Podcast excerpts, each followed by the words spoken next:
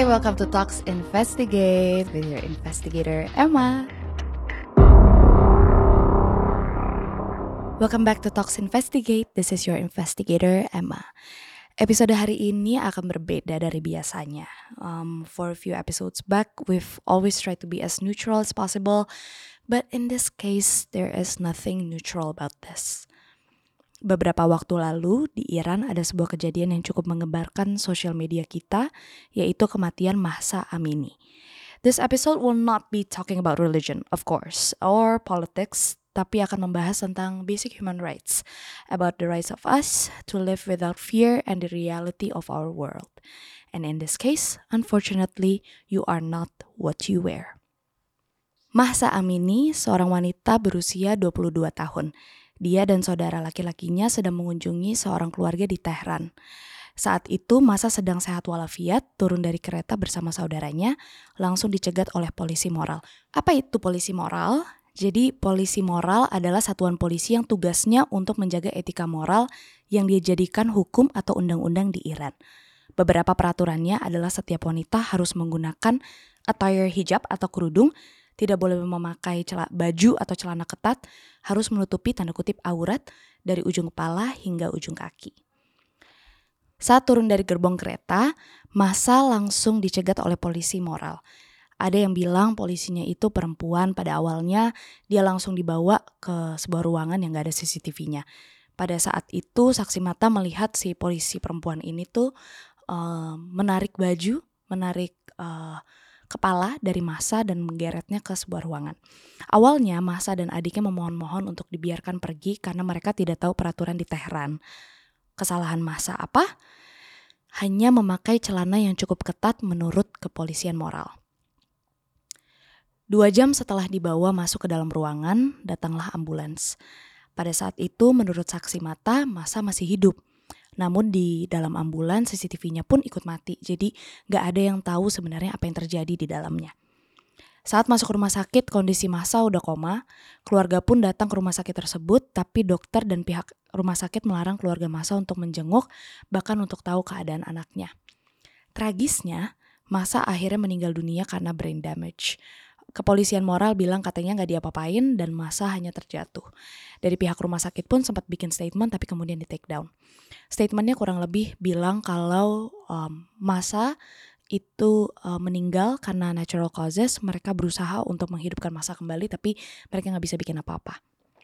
Cuman kenyataannya ketika kayak keluarga datang untuk menjenguk pun keluarga nggak tahu apa-apa tentang keadaan masa. Bahkan kepolisian bilang dan uh, rumah sakit katanya ada yang bilang kalau masa itu tuh punya uh, penyakit bawaan. Padahal dari keluarganya bahkan adiknya yang ikut masa pergi ke Tehran bilang kalau masa itu sehat walafiat. Sejak kejadian itu uh, terjadilah protes masa Amini, sebuah demo besar-besaran yang terjadi beberapa jam setelah kematiannya di Tehran. Protes pertama dimulai di rumah sakit tempat Amini dirawat dan kemudian dengan cepat menyebar ke kota-kota lain. Menanggapi demonstrasi ini, mulai 19 September kemarin, pemerintah Iran menerapkan penutupan akses internet secara regional. Saat protes semakin merajalela, pemadaman internet yang meluas diberlakukan bersama dengan pembatasan nasional pada media sosial. Jadi, as of now, teman-teman kita di Iran sama sekali nggak bisa mengakses internet ataupun mengakses informasi dari dunia luar ataupun sebaliknya. Menanggapi protes ke atas kematian Amini, orang-orang menggelar demonstrasi besar-besaran untuk mendukung pemerintah di beberapa kota di Iran. Sampai 26 September kemarin, setidaknya ada 76 pengunjuk rasa yang tewas akibat intervensi pemerintah dalam protes. Uh, intervensinya melibatkan gas air mata, peluru tajam, bahkan menjadikan protes ini, protes untuk masa Amini, adalah protes yang paling mematikan sejak 2019 sampai 2020 karena protes ini mengakibatkan lebih dari 1.500 korban jiwa dari yang tewas maupun yang luka-luka ringan. Tanggapan pemerintah terhadap protes uh, ini sebagian besar tuh sangat buruk ya dan uh, Departemen Keuangan Amerika Serikat bahkan memberikan sanksi kepada patroli bimbingan dan beberapa pejabat tinggi Iran. Hal yang miris banget adalah mengingat sebelum kejadian terjadinya revolusi di Iran, kehidupan wanita di Iran itu tuh 11-12 sebenarnya sama kehidupan kita, bahkan kehidupan semua wanita di belahan dunia lain. Ya most of them lah. Perempuan masih bisa sekolah, berbusana dengan bebas dan sebagainya. Seorang profesor studi perempuan di University of York, dia dibesarkan di Iran tahun 1960-an. Namanya Baroness Haleh Afshar. Dia bilang kalau pemerintah mencoba untuk menghentikan perempuan dari menghadiri universitas, tetapi ada reaksi seperti mereka harus mengizinkan mereka untuk kembali karena uh, desakan dari perempuan-perempuan ini dari masyarakat. Beberapa orang-orang terpelajar pun meninggalkan Iran dan pihak berwenang menyadari kalau mereka mau menjalankan negara mereka, mereka perlu mendidik pria dan wanita dengan sama. Bahkan kalau kalian uh, tahu, tahun 1977 bahkan masih ada salon di Teheran. Ini tuh hal yang paling miris, paling miris sebenarnya karena uh, sekarang you wouldn't see salons or like pubs or like things like that di uh, Iran bahkan jarang banget adanya uh, area di mana laki-laki dan perempuan tuh bisa bareng-bareng uh, bahkan perempuan pun kalaupun berjalan harus ditemani so oleh keluarga atau uh, sanak mereka yang seorang laki-laki. Nah, uh, Profesor Afshar ini bilang kalau uh, ini adalah pemandangan yang tidak lagi kamu harapkan di Iran. Bahkan setelah revolusi Islam penata rambut pun uh, sebenarnya terus ada. Cuman kamu nggak akan ngelihat seorang pria di dalam salon kayak gitu dan wanita akan tahu untuk menutupi rambut mereka uh, secara se kayak langsung nutupin rambut mereka setelah mereka berjalan keluar dari pintu.